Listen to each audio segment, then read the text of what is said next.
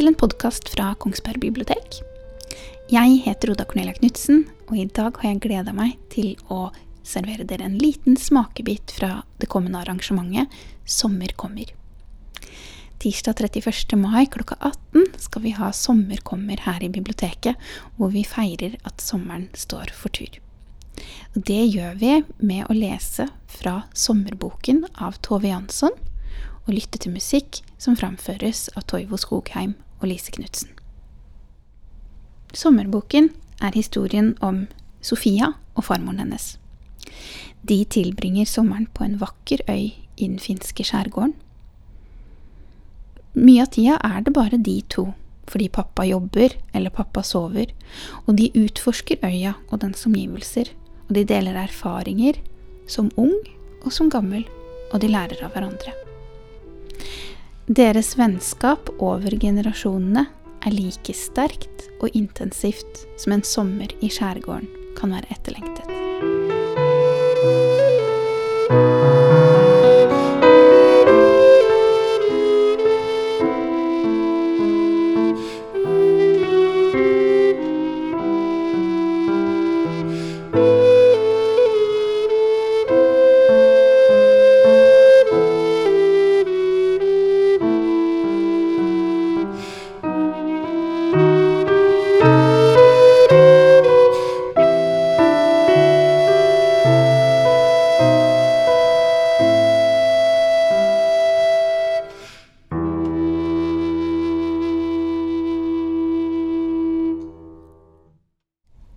Tidlig en meget varm morgen i juli, og det hadde regnet om natten.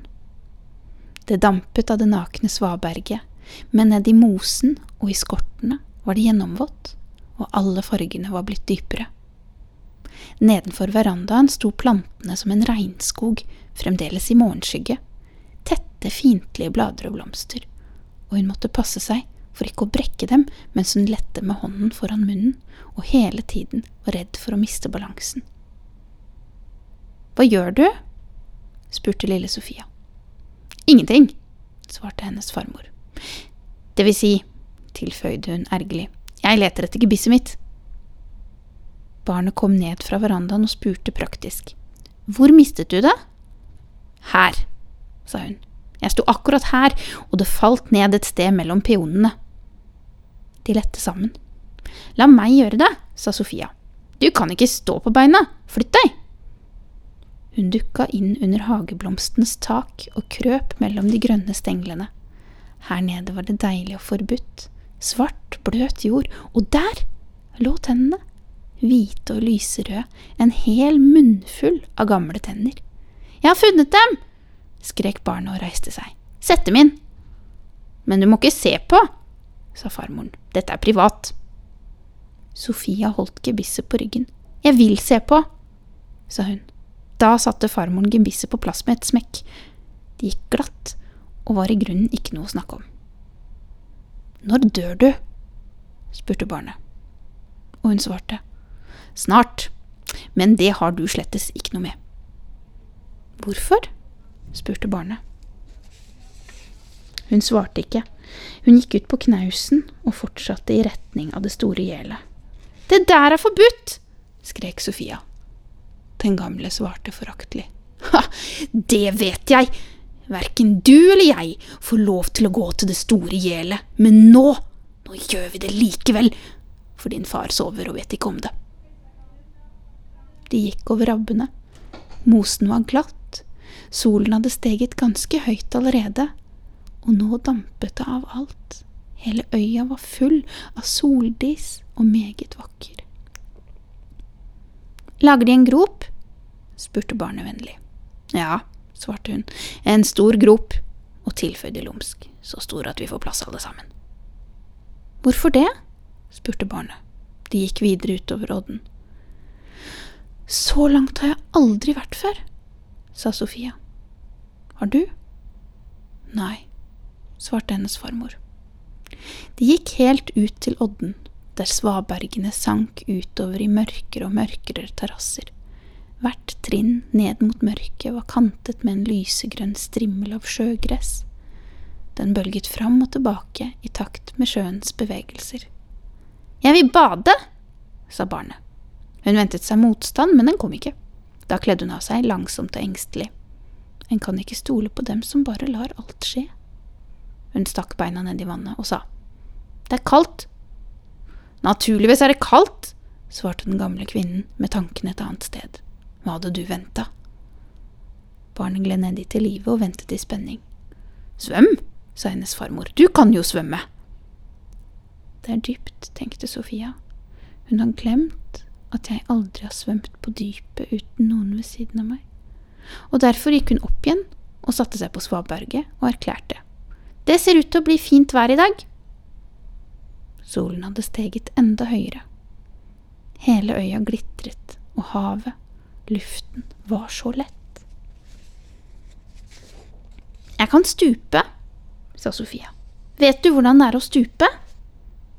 Hennes farmor svarte. Det er klart jeg vet det. Du slipper taket og tar sats og bare stuper, du kjenner tannklasene langs beina, de er brune, og vannet er klart, lyser mot overflaten, og bobler. Du glir. Du holder pusten og glir, og snur deg og stiger oppover, lar deg stige og puster ut, og siden flyter du. Bare flyter. Og hele tiden med åpne øyne, sa Sofia. Naturligvis.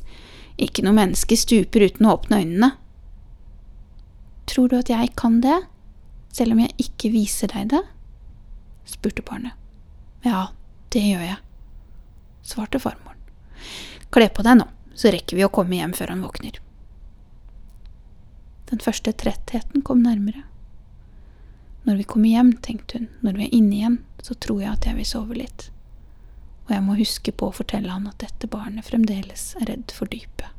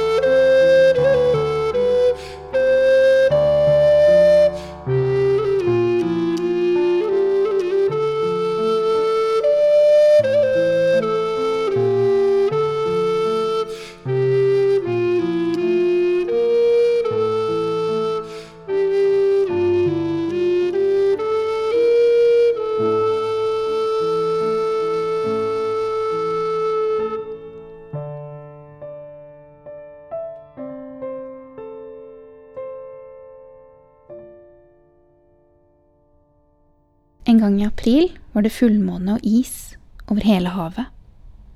Sofia våknet og husket at de hadde kommet tilbake til øya, og at hun hadde en egen seng fordi hennes mor var død.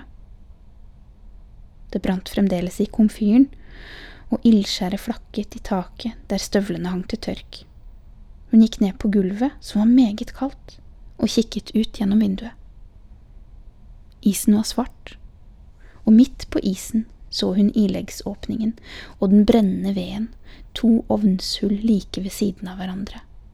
I det andre vinduet brant de to bålene ned i bakken, og gjennom det tredje vinduet så hun et dobbelt speilbilde av hele rommet. Kofferter og kister og kasser med gapende lokk. De var fulle av mose og snø og tørt gress. Allting sto åpent mot en bunn av kullsvart skygge. Hun så to barn ute på knausen, og rognetreet vokste tvers gjennom dem. Bak dem var himmelen mørkeblå. Hun la seg ned i sengen sin og så på ildskjæret som var åpen og full av mørke og mose, og den kom aldri mere og nærmere. De sov vel ved en strandeng med snøflekker over teppet, og under dem mørknet isen og begynte å gli.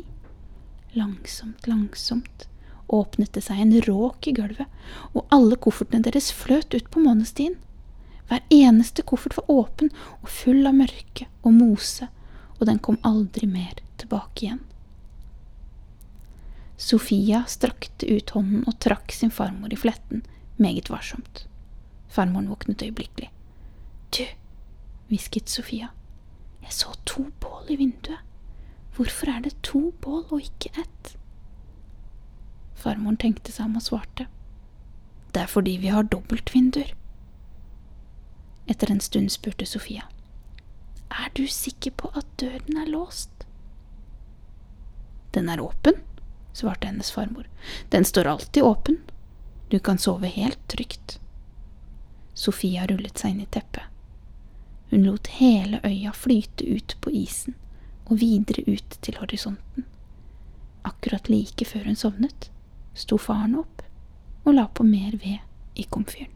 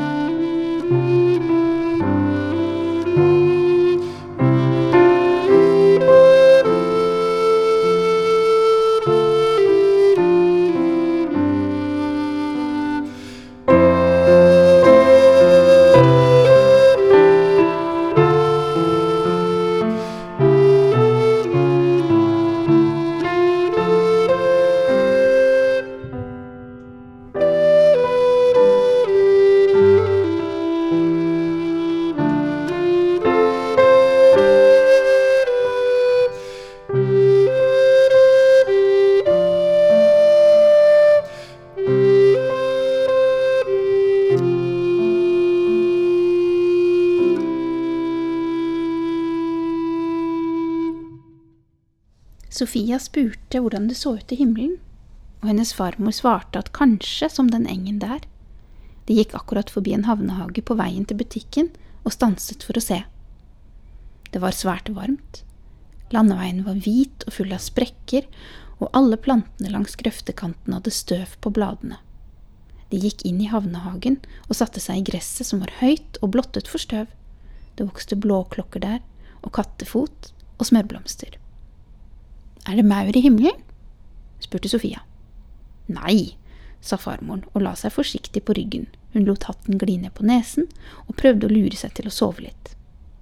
Et godt stykke unna durte en slags jordbruksmaskin, utrettelig og fredsommelig. Hvis hun lukket maskinen ute, det var ikke så vanskelig, og bare lyttet til insektene, så ble de til mange tusen millioner og oppfylte hele verden i stigende og synkende bølger av henrykkelse og sommer. Sofia plukket blomster og holdt dem i hånden til de ble varme og ekle. Da la hun dem på farmoren og spurte hvordan Gud kunne holde fra hverandre alle som ba på en gang. Han er så klok, så klok, mumlet farmoren søvnig under hatten. Svar skikkelig, sa Sofia. Hvordan får han tid til alt? Han har en sekretær. Men hvordan rekker han å gjøre det vi ber om, hvis han ikke får tid til å snakke med sekretæren før, før det går galt? Farmoren lot som hun sov, men visste hele tiden at ingen lot seg lure av det, og til slutt sa hun at han ordner det slik at ikke noe farlig kan skje fra det øyeblikket en ber, til det øyeblikk han får greie på hva det er han har bedt om, og da spurte hennes barnebarn og hvordan det går hvis en ber mens en faller ned fra et furutre og altså er midt i luften. Ha-ha, sa farmoren og kvikna til, da lar han deg bli hengende i ei grein. Det er klokt, innrømmet Sofia. Nå kan du få spørre, men det må være om himmelen. Tror du at alle engler går i kjole, så ingen kan vite om det er gutt eller jente? Ikke spør så dumt. Du vet at alle går i kjole. Hør nå nøye etter hva jeg sier. Hvis noen vil være sikker på om en annen er gutt eller pike, så flyr han bare under den andre og ser om han har bukse på seg. Aha, sa farmoren. Det er godt å vite. Nå er det din tur. Kan englene fly ned i helvete? Sikkert. Det kan jo hende at en mengde av deres venner og bekjente er der nede. Nå har jeg deg! ropte Sofia. I går sa du at det ikke er noe helvete. Farmoren ble ergerlig og satte seg opp og sa. Jeg mener akkurat det samme i dag, men dette er jo bare en lek. Det er ikke lek, det er alvor når du snakker om Gud. Han ville aldri finne på noe så tåpelig som å lage et helvete. Det har han gjort, det så. Nei, det har han ikke. Jo, et stort svært helvete. Farmoen reiste seg altfor fort fordi hun var sint. Hele enga velta rundt, og hun holdt på å miste balansen. Hun venta litt og sa, Sofia, dette her er absolutt ikke noe å krangle om. Du må da forstå at livet er vanskelig nok som det er, om en ikke skal straffes for det attpåtil. Vi blir trøsta. Det er jo meningen med det hele. Det er slettes ikke så vanskelig, ropte Sofia. Og hva gjør du med djevelen, da? Han bor jo i helvete! En stund var farmoren fristet til å si at han heller ikke fantes, men hun ville ikke være vemmelig. Den landbruksmaskina holdt et forferdelig leven. Hun gikk tilbake til landeveien og tråkket rett opp i en svær kukake. Barnebarnet rørte seg ikke. Sofia, ropte farmoren advarende, du skal få Jaffa i butikken. Jaffa! gjentok Sofia foraktelig. Tror du jeg kan tenke på Jaffa når jeg snakker om Gud og djevelen? Farmoren skrapte kukaken av skoen så godt det lot seg gjøre med stokken, og så sa hun. Kjære barn, jeg kan ikke med min beste vilje begynne å tro på djevelen i min alder. Du kan tro hva du vil, men du må lære deg toleranse. Hva er det, da? spurte barnet. Det å respektere andres meninger. Og hva er å respektere? skrek Sofia og trampet i bakken. Og la andre tro det de vil, ropte farmoren. Jeg lar deg tro på fanden, men du lar meg la være. Du bannet, hvisket Sofia. Det gjorde jeg aldeles ikke. De så ikke lenger på hverandre. Tre kuer kom diltende langs landeveien med viftende haler og horn, de passerte langsomt i en sverm av fluer og fortsatte i retning av butikken med gyngende bakdeler der huden rykket og rynket seg. Så var de borte, og bare tausheten rådet igjen. Endelig sa Sofias farmor, Jeg kan en sang som ikke du kan. Hun venta litt, og så sang hun, gjennomfalskt, for stemmebåndene hennes lå i kryss Tjo litta lei, tjo litta lei, du må ikke kaste kukake på meg. Tjo litta lei, tjo litta lei, da kaster jeg på deg. Møkk. Hva sa du? hviska Sofia, For hun trodde ikke det var sant, og da sang farmoren den samme riktig fæle visen en gang til. Sofia skritta over grøften og begynte å gå i retning av butikken. Far har aldri sagt møkk, sa hun over skulderen. Hvor har du lært det? Det sier jeg ikke, svarte farmoren. De passerte låven og gikk gjennom leet og forbi nybondas fjøs, og før de kom til butikken under trærne, hadde Sofia lært visen og sang den nøyaktig like falskt som sin farmor.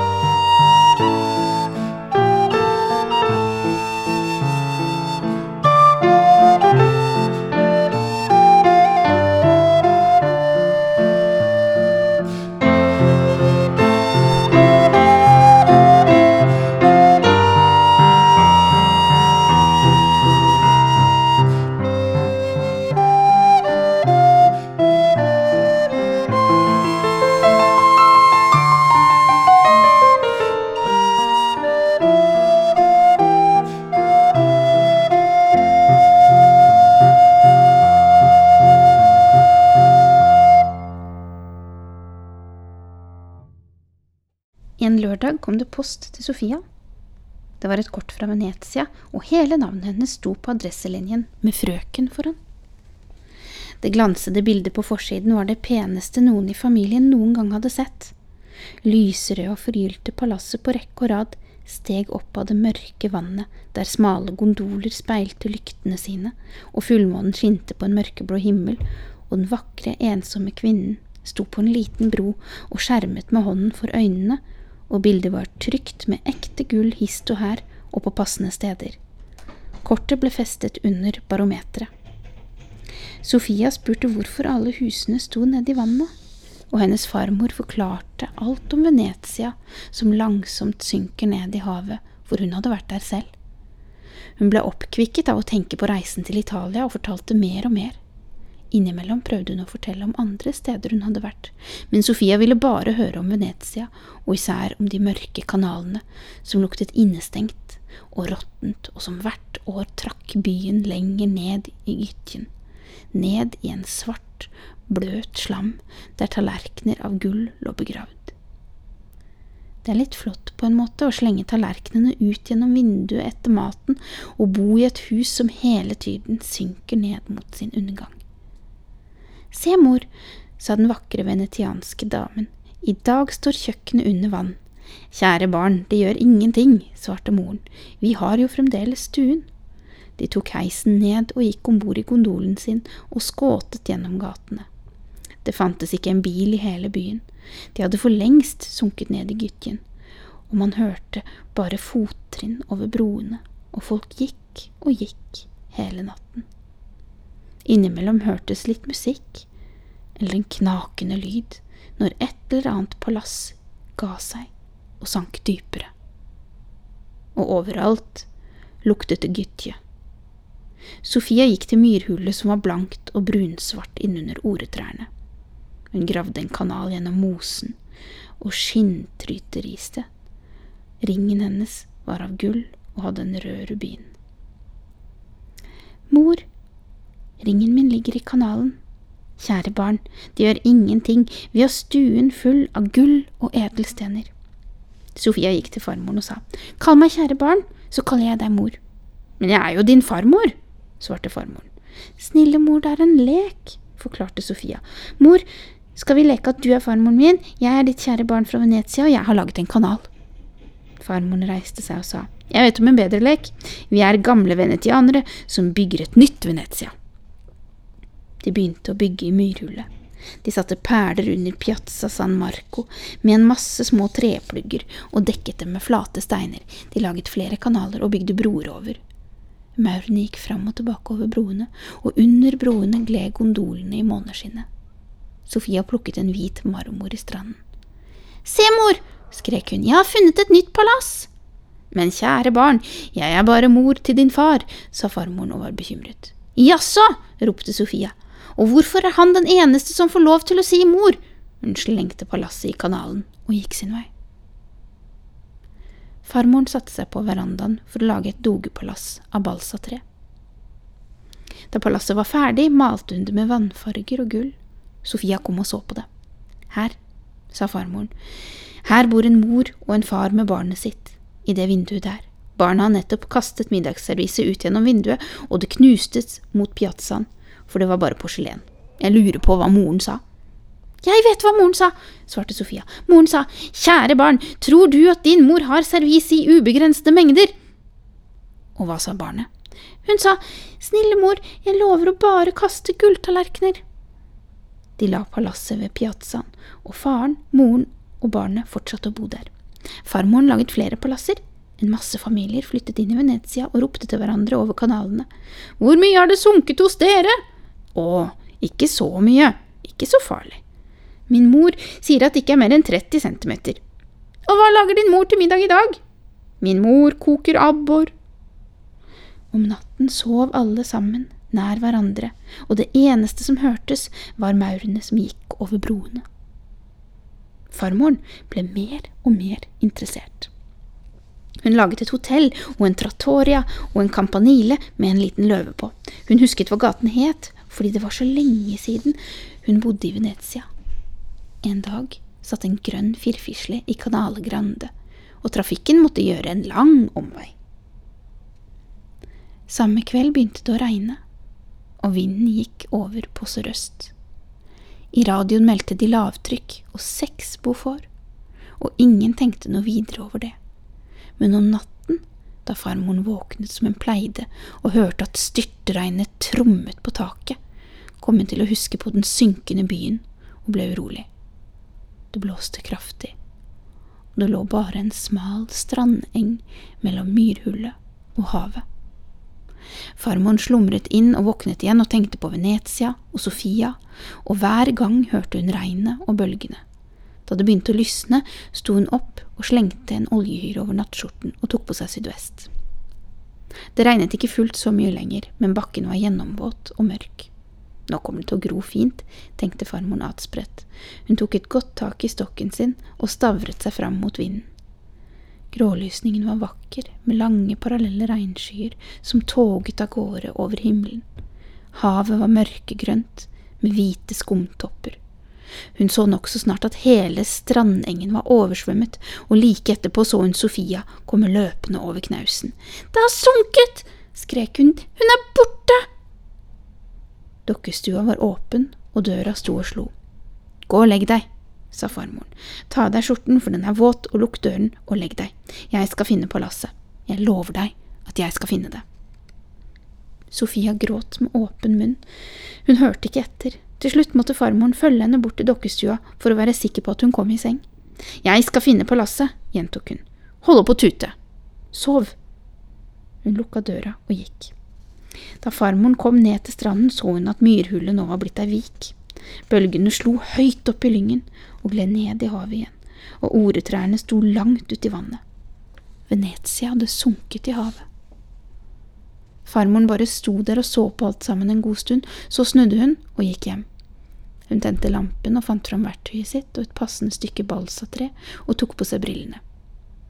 Dogepalasset var ferdig klokken sju, og akkurat i det samme banket Sofia på døren. Vent litt, sa farmoren. Kroken er på. Fant du henne? ropte Sofia. Var hun der ennå? Ja da, svarte farmoren. Alle sammen var der. Palasset så altfor nytt ut. Det hadde aldri vært med på noen oversvømmelse. Farmoren skyndte seg å ta vannglasset sitt og helte det over dogepalasset.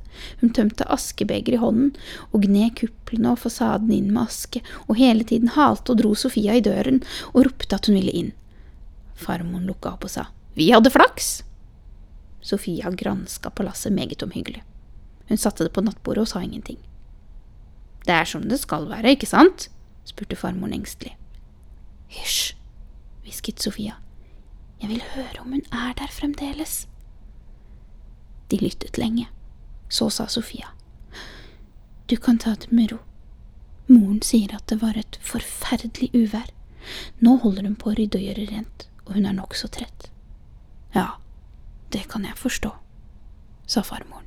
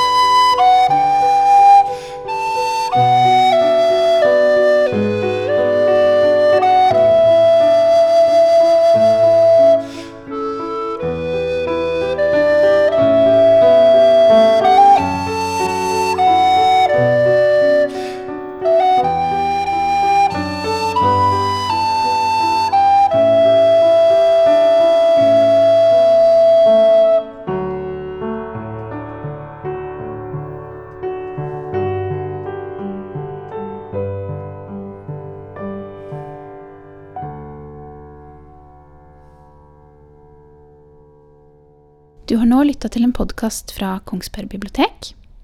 Musikken har vært skrevet av Lise Knutsen og framført av Lise Knutsen og Toivo Skogheim. Lyd og miksing er ved Gavin Baker. Romanen som vi har lest fra, er skrevet av Tove Jansson, og det er brukt Gunnel Malmstrøms oversettelse. Jeg som har fulgt dere og har lest for dere i dag, heter Oda Cornelia Knutsen. Jeg takker for følget for denne gang håper vi høres snart igjen, og ønsker dere en riktig god sommer.